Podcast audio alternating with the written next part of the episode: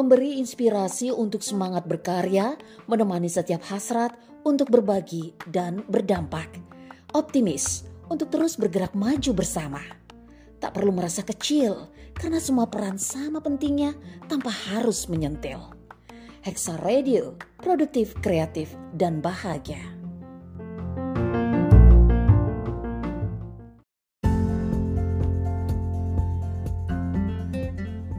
Informasi hari ini menghadirkan berbagai informasi yang berkaitan erat dengan dunia perempuan dan perannya sebagai ibu, mulai dari parenting, pendidikan, kesehatan keluarga, hingga kecantikan. Informasi hari ini bersama Reni Handayani hanya di Hexa Radio. Hexagonia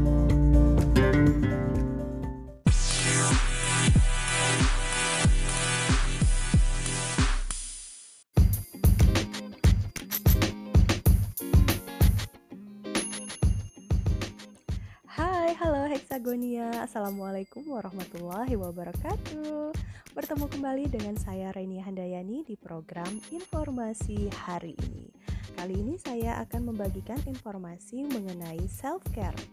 Mungkin para Hexagonia sudah banyak yang tahu atau justru mendalami dan menerapkan self-care ini ya Tak mengapa, saya tetap akan membagikan informasi tentang self-care ini karena bisa jadi di antara heksagonia sekalian ada juga nih yang sudah tahu dan berkeinginan menerapkan self-care tapi belum memiliki motivasi yang kuat untuk menerapkannya.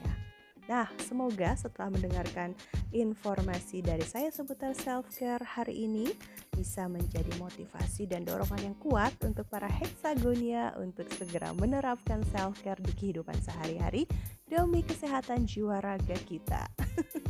Selamat menikmati heksagonia.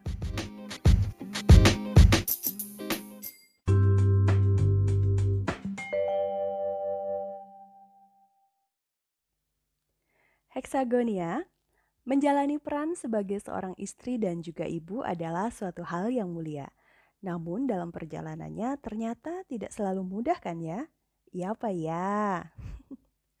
Banyak tantangan yang kadangkala ditemui seorang perempuan yang berstatus sebagai seorang istri sekaligus ibu, baik yang bekerja di ranah domestik maupun yang bekerja di ranah publik.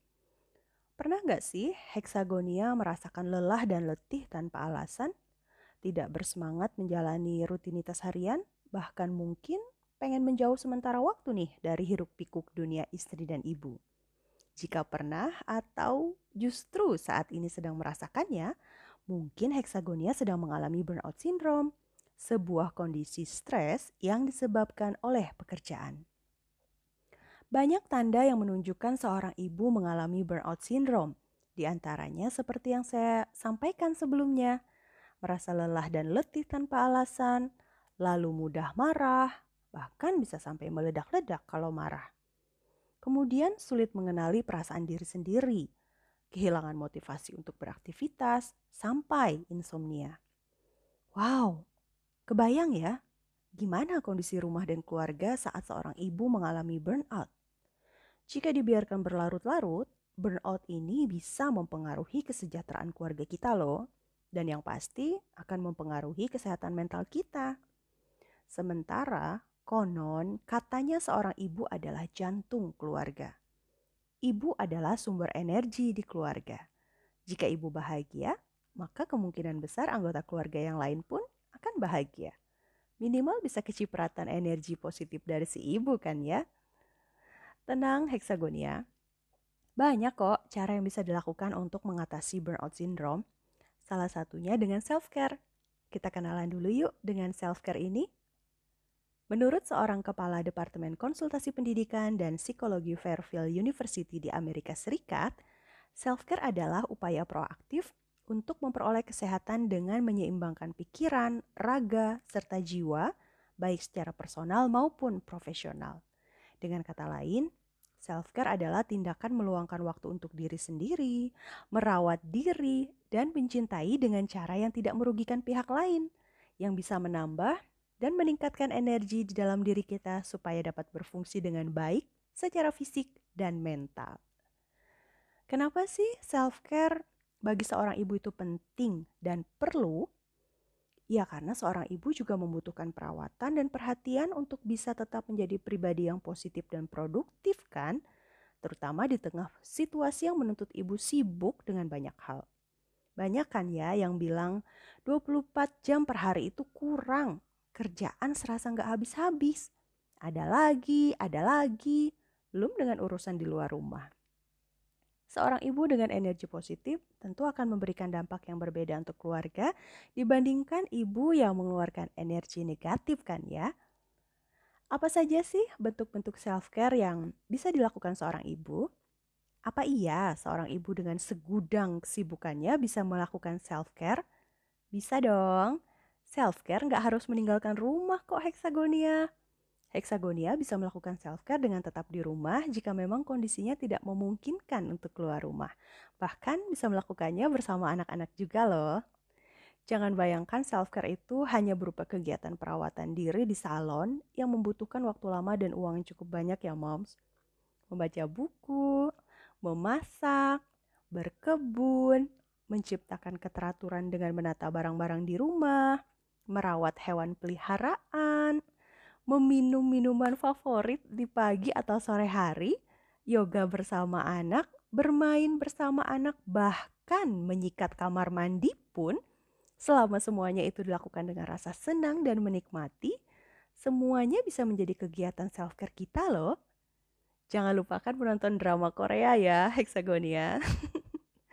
Asal jangan sampai lupa waktu aja nih keasikan nonton drakor berepisode-episode dengan alasan self-care lalu anak-anak terabaikan. Itu jelas salah. Karena prinsip dasarnya self-care adalah tidak merugikan pihak lain.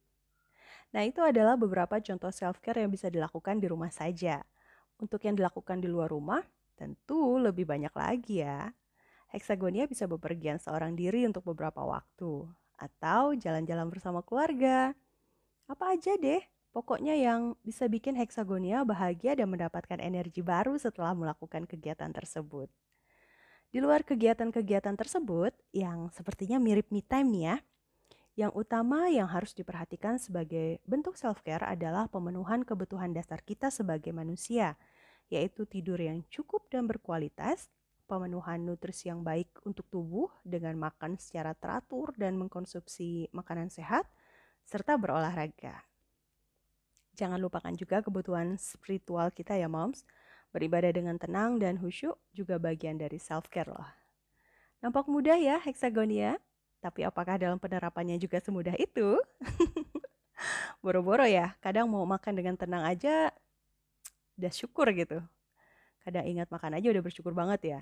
Mungkin ini adalah isi hati dari banyak ibu ya. Aduh, mau makan dengan tenang, ingat makan aja udah alhamdulillah gitu. Insya Allah bisa kok moms. Self-care tidak harus menghabiskan banyak waktu. Hexagonia cukup berikan waktu beberapa saat untuk bisa melakukan hal-hal yang disukai, yang dirasa ampuh untuk memberikan tambahan energi bagi kita untuk bisa kembali produktif dengan energi yang baru dan lebih positif. Jangan merasa menjadi ibu yang egois saat ingin melakukan self-care ya, Hexagonia. Self-care dan selfish atau egois itu adalah dua istilah yang berbeda. Dengan melakukan self-care, dapat membantu kita untuk kembali menyelami, menghargai, dan mencintai diri sendiri. Dan membantu kita untuk tetap sehat baik secara fisik maupun mental. Insya Allah. Sebelum memberikan cinta kepada orang lain, cintailah diri kita terlebih dahulu. Karena anak tidak perlu seorang ibu yang sempurna. Anak hanya perlu ibu yang bahagia. Selamat berbahagia, Hexagonia.